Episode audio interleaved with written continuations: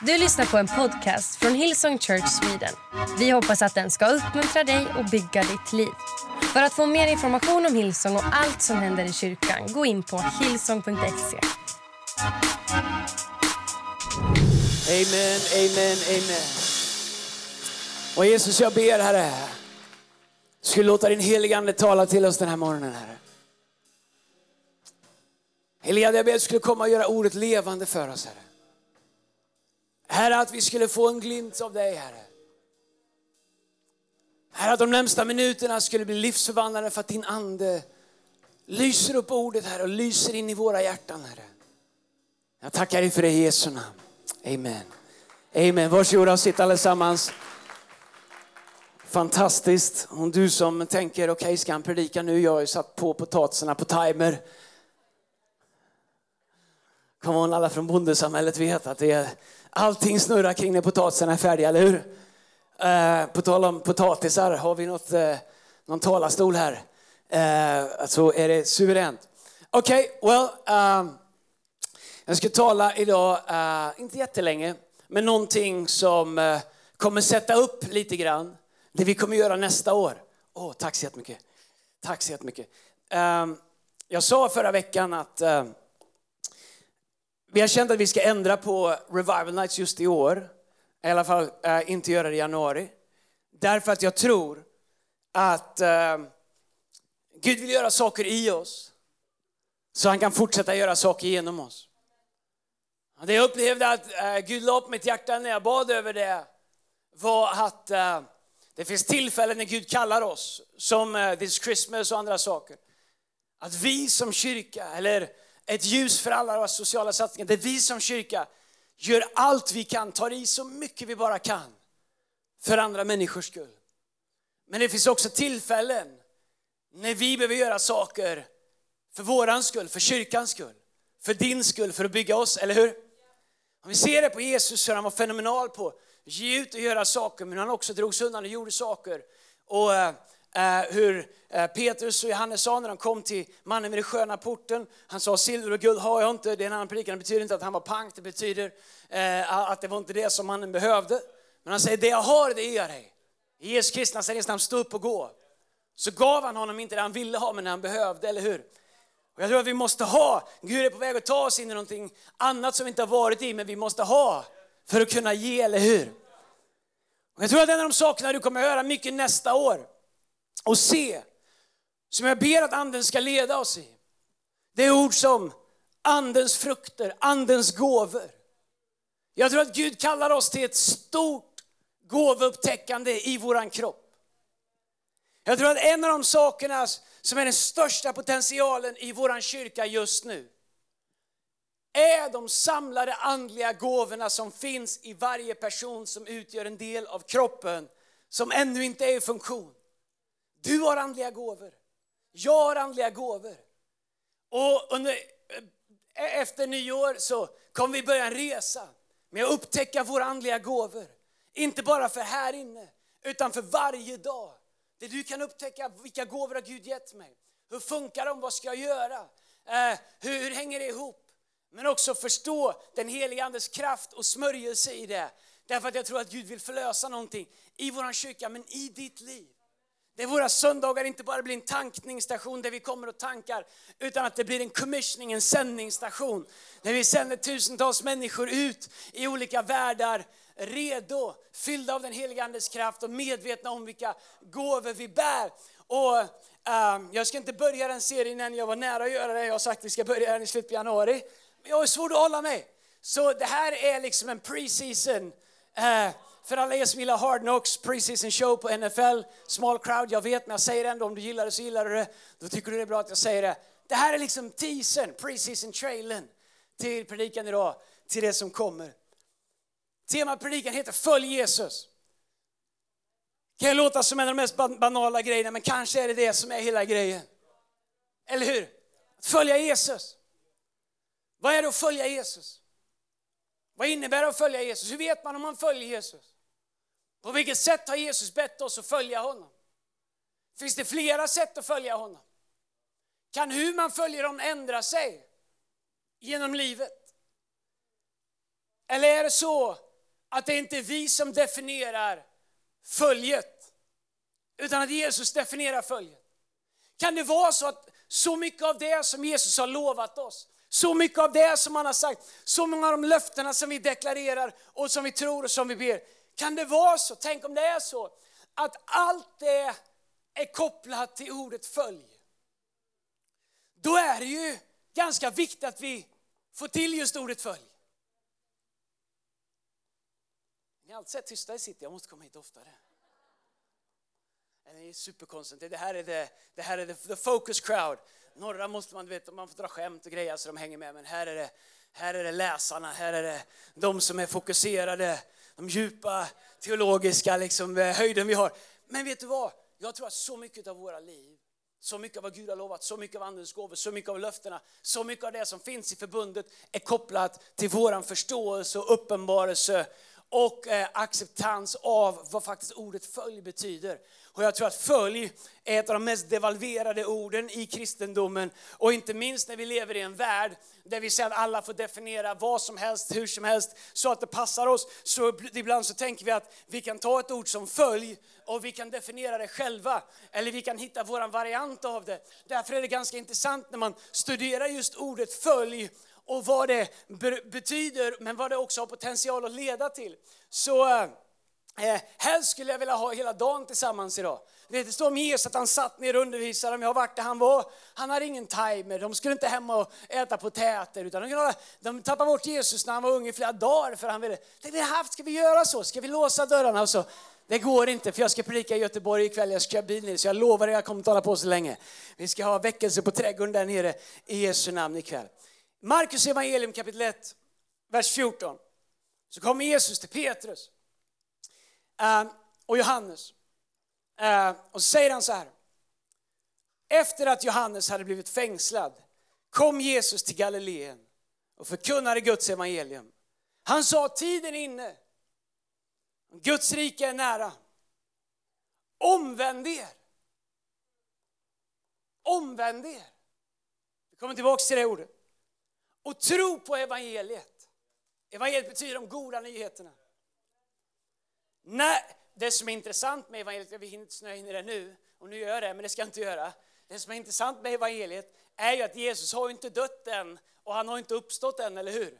Men Jesus är jordet. Så evangeliet var ju mitt framför dem, för, förkroppsligat. Så det var inte bara en idé om räddning, utan allt det här om evangeliet, de goda nyheterna, är ju förkroppsligat i Jesus. Så han säger omvänd er och tro på evangeliet. När han gick längs Galileiska sjön såg han Simon och hans bror Andreas. De stod och kastade ut nät i sjön, för de var fiskare. Jesus sa till dem, kom och följ mig, så ska jag göra er till människofiskare. Genast lämnade de näten och följde honom. När han kom lite längre fram såg han Jakob, Sebedeus son och hans bror Johannes. De satt i båten och gjorde i ordning sina nät. Genast kallade han på dem och de lämnade sin far Sebedeus i båten. Jag har aldrig tänkt på det. See bro. Med arbetarna och följde Jesus. Alltså, när jag fattar i söndagsskolan, när man läser det. Jesus kommer gående, Petrus och eh, Andreas står och, och förlåt, äh, äh, vad hette han nu igen? Den första där. Simon och Andreas såklart. står och fiskar. Och Jesus kommer, hej kom och följ mig. Så ska jag göra dig till människofiskare. Det låter jättebra. Jag växte upp med halvflanellograf. Och jag hade en tanta som stod där, slet bort den där, eh, den satt alltid lite fast och skulle försöka hoppa med gubbarna. Här gick Jesus. Alltså ni fattar inte ni som ungdomar hur det var. Ni, vi fick titta på bilderna själva, ni kan titta på tv. Vi fick skriva filmerna själva i huvudet när liksom folk hoppar med flanellografbilder. Kom och följ mig! Genast tog Jesus, eller Petrus, och, och så hoppar man. Ofta gick de där av så ena Petrus ben blev kvar i båten, eller Johannes ben, vem det var. Men de följde hyfsat i alla fall. Och det är så enkelt att tänka så att det här var liksom, vet så här, ni vet som Mumin, jag vet inte, så Linus på linjen liksom, att det bara är, är liksom, det kanske, det kanske är rätt, rätt crowd för Linus på linjen ändå. Um, men, men, om man verkligen tänker på vad som sker här, det är superradikalt. Helt ofattbart. Alltså antingen så här är det inte sant eller så är det ofattbart. Om det här är definierande för följ, om det här är definierande för omvänd er. Det är intressant att Jesus har inte kallat dem syndare. Ändå så säger han omvänd er och tro på evangeliet. Han har inte sagt ni är på väg att dö, omvänd er. Ni har de här, de här synderna, omvänd. Han säger hej, omvänd er och tro på evangeliet. Och säger han till dem, kom och följ mig. Superradikal. Jesus sa inte kom, så sätter vi oss här en stund och förhandlar om hur det skulle kunna se ut om du följde mig. Jag säger inte att ni måste följa mig. Jag säger inte att ni måste ge upp era nät. Jag säger inte att ni måste göra det. Men om, eller hur? Punkt 1 A är all försäljning. Jag säger inte du måste köpa, men låt säga att du hade köpt. Alla säljare sa. Och i samma sekund som vi börjar prata om hur det hade varit om de hade köpt så har de köpt. Come on. Men Jesus sätter sig inte ner och säger, hur skulle följd kunna se ut för dig? Hur skulle det se ut för dig om du skulle lämna din dina Vad skulle du behöva? Vad skulle, du, vad skulle krävas? Han förhandlar ingen, han säger inte kom sätter vi oss ner och förhandlar. Han säger heller inte kom sätter vi oss ner och så gör vi liksom en personlighetstest och, och liksom någon form av liksom strength findings på dig för att se vilka styrkor du har om du passar in i mitt team vad du behöver jobba med, vad du bidrar med, vart du är kvalificerad, vart du inte är kvalificerad. Han, säger, låt inte, han sa inte kom så sätter vi oss ner och jobbar med era svagheter, era mänskligheter, era synder, eran otro och så ser vi om vi kan nå en viss nivå så att ni är följdkompatibla. Inga förbehåll, inga krav mer än att de radikalt ska lämna det de har och välja någonting annat. Jag undrar om det finns någonting i det som Jesus gör som antingen låser upp eller låser så mycket av det som finns för Och när jag läser det här så för min egen del så känner jag att mitt följ och min respons på Jesu kom kommer vara definierande av det som Jesus har för mig. Jag undrar ibland hur mycket jag försöker frigöra av vad Gud har sagt och stå i tro för vad Gud har sagt som kanske inte fullt ut går att förlösa därför att jag på det området har förhandlat om mitt följ. Eller låtit mitt kom definieras av omständigheter, erfarenheter, tidsanda. Allting som inte är Bibeln. Därför att när Jesus säger, ska vi ha lite bibelstudie här om det, okej? Okay? För när säger om er och tro på evangeliet, säger Jesus, det sätt som vi vänder oss till honom, det är att tro på ordet. Så ordet definierar vad vi följer. Ordet är det vi vänder oss till för att följa. Nej, det går inte följa lite där och följa lite där. Problemet är att vi kommer slitas isär. Problemet är att vi kommer inte komma någonstans. Men Jesus säger till lärjungarna, kom och följ mig. Genast står det så släppte de näten. Näten, jag undrar varför, varför finns näten med det? Och näten är viktiga för näten är ju definierande av deras liv. På den tiden så var det ju var två saker som definierade din identitet. Det var din släkt, eh, som också definierade vart du bodde. Och så var det också vad du hade för arbete, vad du gjorde, eller hur? När vi läser Bibeln ser vi att det pratar ju jättemycket om vad folk jobbar med. Det gör vi inte längre. Jag tror att genomsnittstiden för äh, äh, människors tre första fasta jobb just nu är under nio månader. Så det är svårt att definiera människor utifrån vad man jobbar med, eller hur? Men pratar man med den äldre generationen, äh, alltså inte min, de, de, de, de, som är de innan äldre äldre då kanske man säger då. Så i alla fall när jag växte upp, så när man introducerar var, var, var liksom, första frågan man ställer var hej vad heter du? Heter så och så. Vad jobbar du med? Eller hur? Vad jobbar du med? Därför att vi identifierar oss utifrån vad vi faktiskt jobbar med. Vår identitet är så kopplad till vad vi gör. Vad vi pluggar, vad vi jobbar med, vad vi gör. Och det verkar som att det finns en anledning att Jesus faktiskt tar med specifikt att alla de här fiskar, till och med beskrivet de fiskar på olika sätt. Men säger Bibeln att genast släppte de sina nät. Bibeln säger att de släpper sina nät så är det inte bara att de slutar fiska. Utan de släpper vem de dittills har varit. Tänk ibland att det är nog svårt att ibland gå vidare in i det som Gud har för oss. För att vi har vår identitet i det som människor känner till om oss. På så sätt så kan ju tidigare success vara ett ännu större hinder för det som Gud vill göra nu än vad faktiskt misslyckande är. För misslyckanden släpper man ju gärna, eller hur? De tar man inte med på sitt CV. De vill vi inte ska identifiera oss. Hej Andreas, jag är bilist. Jag har kört fort så här många gånger. Alltså det här är bara hypotetiskt. Jag har varit omkörd så här många gånger. Hypotetiskt. Hur många gånger är det då, säger du? Det har inte du med att göra, för jag har gått vidare i Jesu namn. Jag följer Jesus. Det är ju ingen av oss som gör det. Men om, om jag ska beskriva mig själv så går jag till det jag har lyckats med. Det som jag på något sätt har blivit, det som är någonting.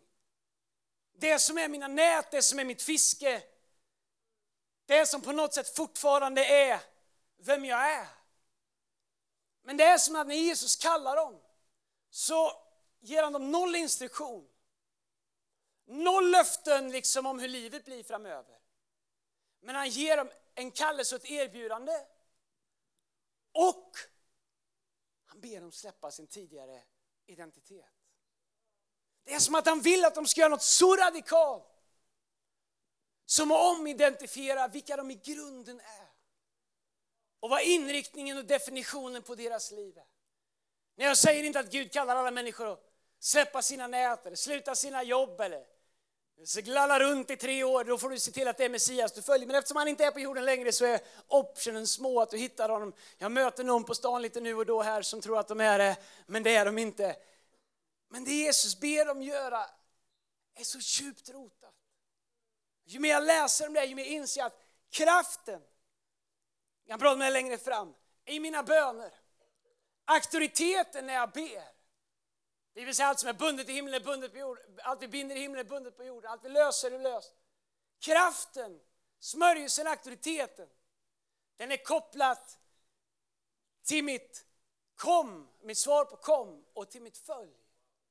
Men också till vad det verkligen är som är guidande i mitt liv. Kolla här. Att genast släppa allt man har, det måste vara supermycket. Jag tänker Peter, han måste ha haft räkningar att betala. Han hade en familj att försörja. Jag har varit där han bodde och svärmor bodde med honom, det har vi pratat om. En del tror att det var därför som han följde direkt, men det vet vi inte. Det finns inga belägg för det. Och jag har sagt en annan gång att en del tror att anledningen att Petrus förnekar Jesus var att Jesus hela Petrus svärmor, men det finns heller inga belägg för det. Men det vi vet är att han följde direkt. Det vi vet är vart han bodde. Det vi vet är att han hade ett ansvar, ändå följde han. Hur kan man genast släppa det? Hur kan man inte säga, jag har en liksom outboarding, ni vet man börjar ett nytt jobb, onboarding. Jag har liksom, Peter säger Jesus, jag kommer gärna, men jag har liksom en outboarding-process här på 24 månader som jag måste göra först. Jesus stannar inte kvar. Jag tror att det var nästan så att Jesus sa det i farten när han gick förbi. Att du släpp och kom, du vet så här, kom här, förstår du? Hur går det ens till? Hur fick han i ordning på, du vet så här. Och jag tror att en del av oss tänker att vi måste ha allting så mycket i ordning. Om jag bara, så här. Vi har varit i USA, jag kom hem för en vecka sedan. Jag var där några veckor. Och första delen så var min familj med. Eh, och eh, sen åkte de tillbaks och jag fortsatte jobba. Men vi skulle flyga dit tidigt måndag morgon. Eh, alltså måndagen efter Heart for the House-söndagen för några veckor sedan. Okej, okay? tidigt. Okay. Heart for the House-söndagen, stor söndag, viktig söndag. Eh, kanske största söndagen på året som man ska leda och guida igenom. Eh, vi har vaknat på morgonen. Vi har en ny hundvalp, jättebra idé. Eh, och han spyr hela morgonen. Det kommer upp först, jag kan inte säga vad som kommer upp, men sen kommer upp ett stort hårband från en av tjejerna och jag har sagt ha inte dem på golvet. Men jag har dem! Så han kräks och jag, jag, inte, jag drar ut den där och sen så tänker jag du får vara hemma. Jag kommer tillbaka efter förmiddagsmötet. Det är bökigt. Eh, han ser hängig ut, han ser låg ut. Jag ger lite mat. Han kräks upp det direkt. Jag fattar att det är fel, det är stopp någonstans. Jag ringer veterinären. Om du har en hund som någon som blir sjuk så kan du ge dig på att det är en söndag när allt är stängt och det är dubbeljouravgift. Det har de tänkt ut. Eh, och eh, frågar vad är det som är fel och de säger att du måste komma in direkt, det kan vara jättefarligt och bla bla bla. Jag åker in med honom mellan mötena, för vi har ett möte klockan 18 igen. Okej? Okay? Vi ska flyga tidigt nästa morgon till USA. Jag har inte packat, jag har inte förberett någonting, jag är på Art for House. Eh, jag åker dit med honom, de röntgar den hundskrället, de gör ultraljud på honom. Jag bara tänker, de sätter grejer och säger, jag har varit hos doktorn, jag har aldrig fått så bra mottagande. Sen andra sidan så kostar det inte lika mycket när jag går heller. Men eh, till slut säger de typ så halv sex, 26 innan sista mötet ska börja. Hon säger sorry, vi måste operera honom. Han har någonting som är 25 cm långt i tunntarmen och det måste ut nu. Jag bara fantastiskt. Eh, han ska opereras, mötet börjar om 20 minuter. Hela familjen ska till USA om bitti. Jag ska uh, göra hela huset, jag ska packa, jag har hur mycket som helst att göra för att kunna vara borta. Uh, och, och, det bara snurrar. Han är där inne, han opereras, de drar ut någon lång tubsocka i tunntarmen på honom där. Han sys ihop, någon ska passa honom. Jag åker och vi predikar sista mötet, vi pratar efteråt, vi åker hem, med massa jobb. Nu måste jag ta bort varenda textil, varenda matta, allt som finns i hela huset för någon ska passa hundskallet där när vi är borta. Uh, fixa i ordning, jag tror jag är klar med det vid tre på natten, sen ska jag packa, det går i och för sig fort. Och sen så håller på, sen ska vi du vet så här, för mig att bara komma iväg var en mardröm. Hur mycket som ska göras?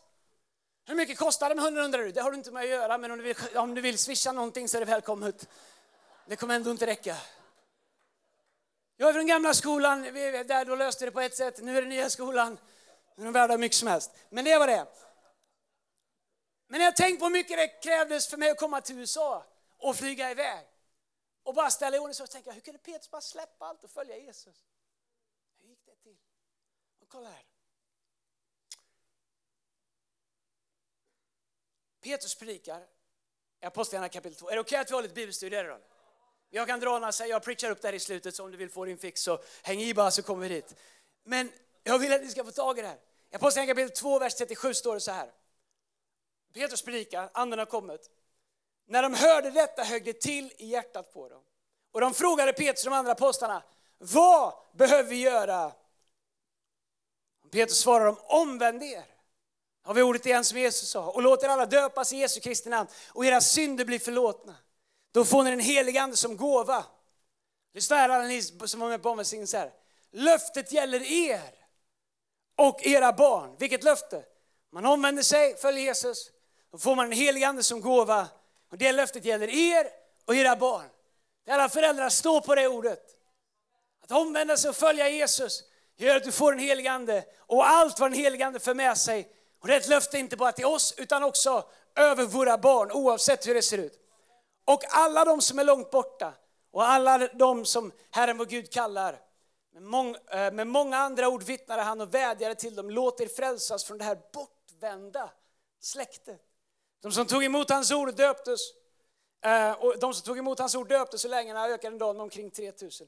Och kolla här, här använder han igen ord som omvändelse, bortvända släktet. Så är det att följa Jesus när vi rappar upp det här? Vad betyder ordet följ? Vad betyder ordet omvändelse? Varför säger Petrus när han predikar uppfyllda den helige Ande att vi är ett omvänt släkte eller bortvänt släkte? Eller jag tror att vi ibland missuppfattar när det kommer till att följa Jesus eller omvändelsen. Antingen tänker vi att omvändelsen, det är någonting, oh, jag måste omvända mig, jag måste skärpa mig, jag måste göra det. Men vet du, omvändelsen, den är superenkel. Men den är också supersvår. Och jag vill att vi ska förstå hur kraften förlöses i våra liv. När vi förstår kraften i sann omvändelse, glädjen i sann omvändelse. Det fantastiska i sann omvändelse. Det fantastiska i att följa Jesus. Alltså inte där, omvänd dig, ni som har vuxit upp i någon kyrka där bröderna tryckte ner dig i bänken och så, omvänd dig, vi har hört vad du gjorde igår kväll. Är det bara jag som varit med om det? Okej. Okay. Um, omvänd dig. Andreas, vi hörde, det hördes över hela hockeyplan vad du skrek när du blev utvisad. Det där passar inte en kristen. Jag tänkte, vilket av det? Jag sa så mycket, jag har kämpat med allt. Alltså inte nu, utan när jag var yngre. Omvända sig är inte liksom att det kommer någon och håller förhör, husförhör som det var på Emil i Lönneberga när prästen kom. Och du kände skam och skuld och fördömelse för att du inte räckte till. Det är egentligen inte det som är omvändelse. Det är inte det som är att följa Jesus. Men en felaktig bild av omvändelse och att efterfölja Jesus kommer inte ge det ordet lovar oss att han vill ge. Jag har vänner som jag ibland hjälper till rehab. Som kämpar med olika beroenden. Och jag är övertygad om att det finns ett sätt att bli fri från beroende. Omvändelse. Att vända dig bort ifrån det och gå någon annanstans. Här är vad Jesus menar med omvändelse och vad Bibeln säger. Jag behöver låna en person. Eh, vem, vem känns omvänd? Vem, eh, jag behöver en Jesus. Micke Hetrell. Du är på första raden och du känns mest Jesus, inte mest Jesus Jag kunde valt vem som helst. Men nu tar jag dig för att du sitter där. Kom upp här. Eh, du får vara Jesus. Eh, det är ju, du är en bra representant. Kom in här i ljuset. Så här, om du fick vara Jesus för en dag, vad är det första du hade gjort? Svår fråga. Ja, jag vet. Ja. Eh, bara det visar att du har förstått, eh, för vi är ju inte Jesus, hur ska vi kunna svara på Omvändelse är inte det här. Okej? Okay? vi kan tänka att det här är, är omvändelse. Att här är Jesus, han är på väg. Här kommer jag, du står, jag kan bara stanna kvar, vi har en liten scen. Här kommer jag till Jesus och så upplever jag allt vad han har.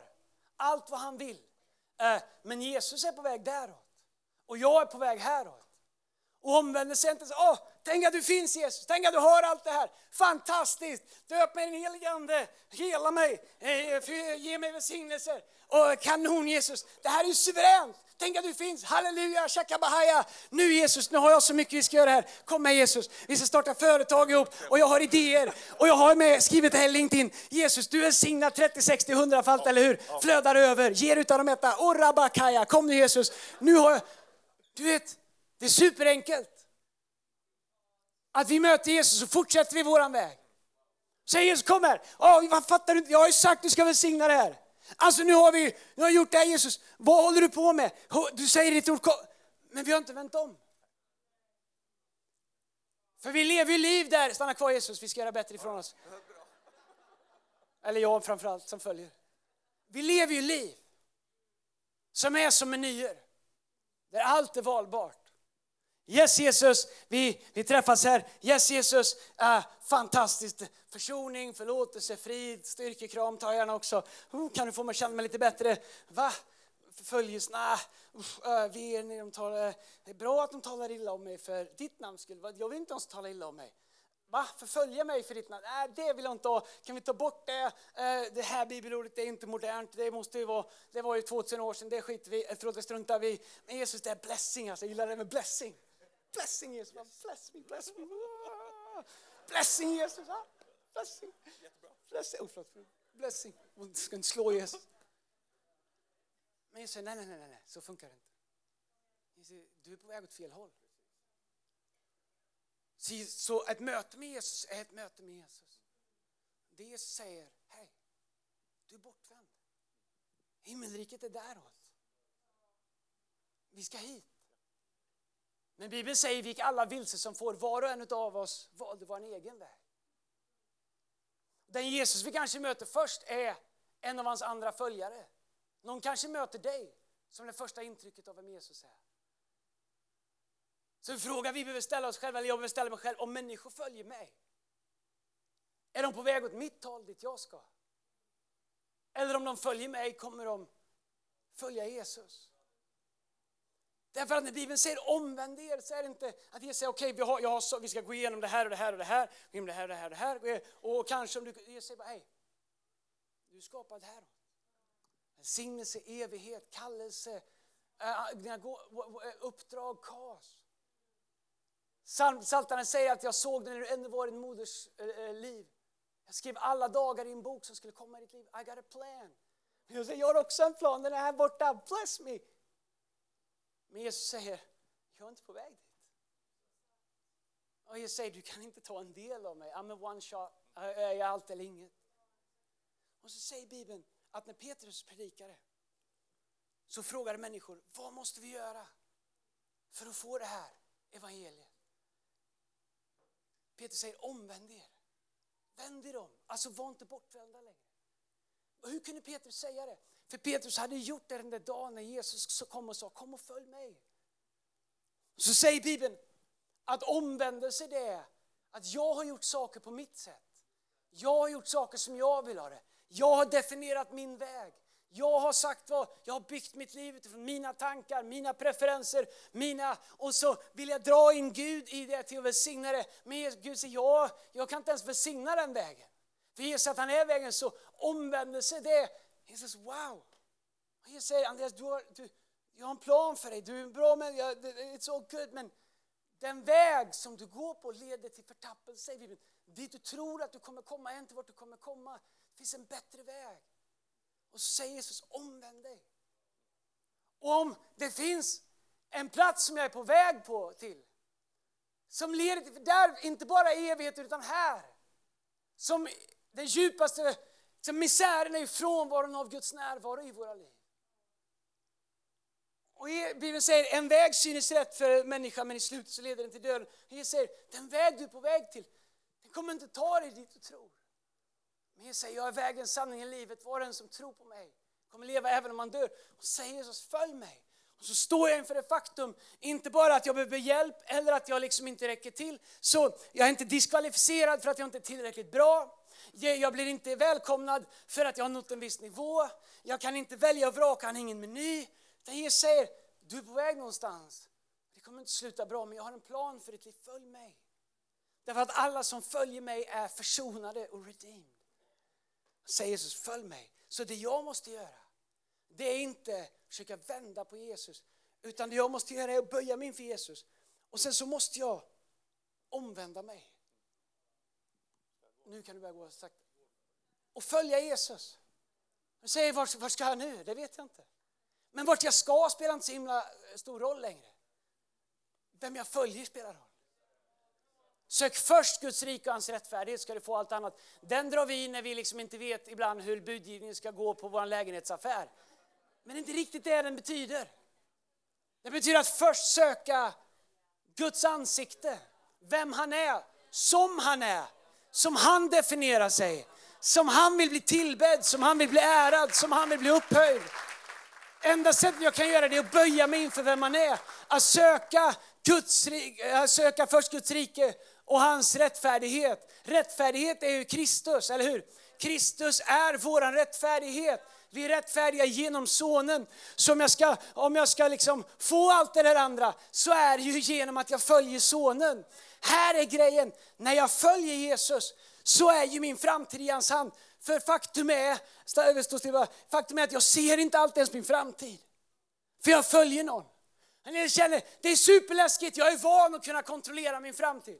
Jag är van att kunna definiera min framtid. Jag är van, men vet du grejen är så här, där vi är vana att göra det, den leder inte till det vi kallar det till. Den kommer inte leda till Guds närvaro, den kommer inte leda till himmelriket. Du kommer inte ha någon kraft i ditt liv, därför att kraften kommer ifrån det vi följer. Det som du all, aldrig skulle kunna ge upp i ditt liv, lätt, är det du följer mest. När vi följer Jesus kommer det att spela oss ur det här. När vi följer Jesus, då lever vi omvända. Och när Jesus pausar, faktum är att Jesus säger att när vi följer honom, han går framför oss. Han går bakom oss, han går bredvid oss, han är i oss. Men faktum är att min morgondag behöver jag inte vara orolig för. För Jesus leder mig in i min morgondag. Hur ska det gå med This Christmas och en ljus för alla? Hur ska det gå med vår nästa lokal? Hur ska det gå med det? Hur ska det gå med väckelsen? Hur ska det gå med lagstiftningen? Hur ska... I don't know. Men jag vet att nu kan jag be och ha kraft därför att nu har jag samma auktoritet när jag ber i hans namn som Jesus har, för jag följer honom. Och faktum är att andevärlden kommer kolla vad jag följer innan de bestämmer sig hur de ska respondera på vad jag ber. För jag kan stå här och skrika och gapa med huvudet mellan knäna och vråla till rösten går och ler. Men eh, andevärlden kommer säga, du följer dina pengar, vi behöver inte göra någonting dina pengar har en gud, den heter mammon. Och om det är det du tillber mest, då är du en av oss. Vi lyssnar inte på någonting. Men jag lovar dig att de kommer lyssna när de ser att du följer namnet Jesus. När du ber för ditt liv, för din framtid, för dina barn, för dina företag. De kan inte annat än att lyssna, därför att Bibeln säger att varje knä ska böja, varje tunga bekänna att Jesus Kristus är Herre. Så kraften i våra liv, kraften i våran smörjelse, kraften i våra genombrott, de är 100% direkt kopplade till vad vi följer. Så följarskap är avgörande för ledarskap. Om du är en mamma eller pappa så är du en ledare. Alla är ledare. Därför att alla av oss har någon som följer. Varje gång jag skriver något på sociala medier så påverkar någon, det gör mig till en ledare. Men om människor följer mig, följer de Jesus? Eller följer de min väg? Ibland så alltså, jag var bara tvungen att få säga, står om Jesus, han öppnar inte sin mun. Han var som ett lamm som fördes till slakt, föraktad av alla, missförstådd. Vet säsongen när man vill hävda sin rätt och säga sin sak. Och hit och dit. Eller så följer man Jesus. Han säger Jesus, min framtid är i dina händer. Mitt rykte är i dina händer. Jag vet om min synd och det verkar som andra ser den också. Men Jesus, gör mig bättre idag. Ett steg till Jesus, jag följer dig. Jag vet inte vart vi är på väg nu Jesus, men jag vet att jag har följt dig tillräckligt länge för att veta att om jag följer dig så kommer jag dit jag ska. Vad skulle hända om vi var en hel skara? Tack ska du ha, Jesus. Vad skulle hända om vi var en skara som alltid följde Jesus? Om hela vår kyrka, om det som definieras var att vi följde Jesus. Jag bryr mig inte om våran Loka, who cares? Jag kan hitta vad som helst. Jag bryr mig inte om vårt uttryck, I don't care. Jag vill att vi ska vara en kyrka som följer Jesus. Jag vill att vi ska vara människor som sänds ut i vardagen. Människor säger, jag vet inte vad det är med dig, men alla andra är nervösa så verkar det som att du är trygg. Vad är det? Jag säger, jag följer Jesus. Han är densamme igår, idag och all evighet. Han förändras aldrig. Han är den fasta klippan. Han är, han är min framtidssäkra grund. Att följa Jesus, det är att omvända sig. Omvända sig, det är att vända sig bort. Det är att varje morgon börja säga Jesus, ja, idag vill jag följa dig. Därför att vi har ett kött som hela tiden vill göra allt för att vända oss tillbaks. Predika om det en annan dag. Vårt kött vill hela tiden dras tillbaks. Var, ha lite kvar av det. Vårt kött vill dra oss till vår gamla väg. Men Jesus säger kom följ mig. Kom och följ mig. Faktum är, låt mig få avsluta med ett bibelord medan lovsångsteamet kommer upp. Om vad Jesus lovar dem som följer honom. Lyssna här. Matteus kapitel 11, vers 28-30 i översättningen som heter The Message. Så säger Jesus så här till oss troende. Are you tired? Worn out? Burn out on religion? Come to me. Come är samma rotord som följ. Get away with me and you'll recover life. I'll show you how to take a real rest. Vilket innebär att det finns rest som egentligen inte ger oss vad vi behöver. Walk with me and work with me. Watch how I do it. Learn the unforced rhythms of grace. I won't lay anything heavy or ill fitting on you. Keep company with me, and you learn to live freely and lightly. Det vara så att så mycket som vi bär, så mycket oro, så mycket stress, så mycket som vi gör är för att vi inte går med Jesus?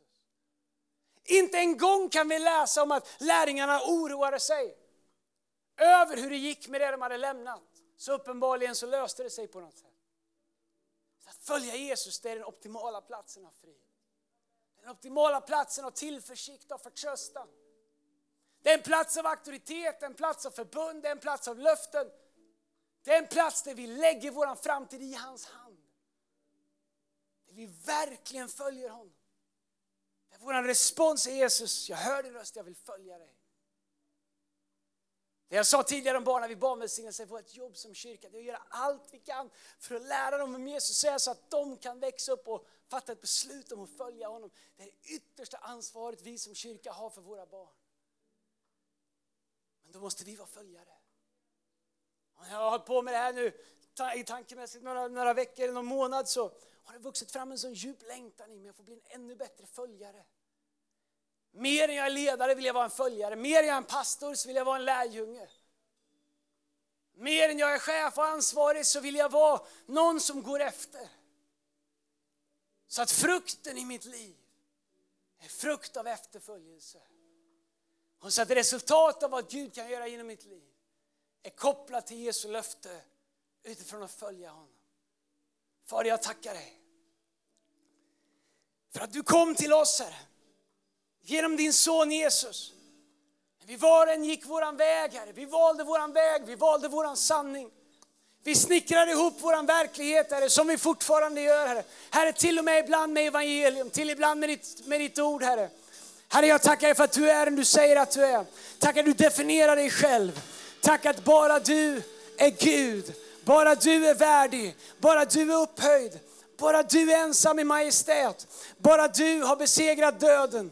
Bara du är Messias Jesus. Därför så väljer vi dig.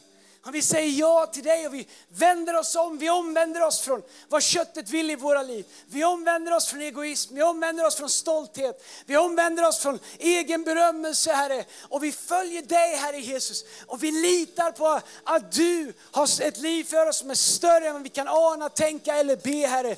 Och vi överlåter och vi surrender and submit våra liv till dig Herre Jesus. Och Herre jag ber låt din Ande fylla oss som du har lovat var och en som följer dig Herre. Löftet för oss, för våra barn, för vår kyrka, för våra städer i Jesu namn. Herre jag ber, låt vår kyrka få uppleva en väckelse i följarskap Herre. Herre låt vår kyrka, var och en utav oss, få uppleva kraften i följarskap närvaron av dig i följarskap Herre. Herre, förnya vår kärlek till att följa dig. Förnya vår längtan till att upptäcka dig. Till att se dig, till att höra dig, till att följa dig, till att vara i takt med dig, till att gå Herre. Show us the unforced rhythms of grace. Herre hjälp oss att walk with you, talk to you, roll with you Father. Herre jag tackar dig för det. Att din vilja ska vara våran vilja, att ditt ord ska vara guidande Herre Jesus. Herre jag ber att vårt kött Herre ska få mindre av oss och att din ande ska ta över mer av oss. I Jesu Kristi Nazarens namn. Du har lyssnat till en podcast från Hillsong Church Sweden. Om du vill veta mer om vår kyrka eller om våra söndagsmöten surfa in på hillsong.se.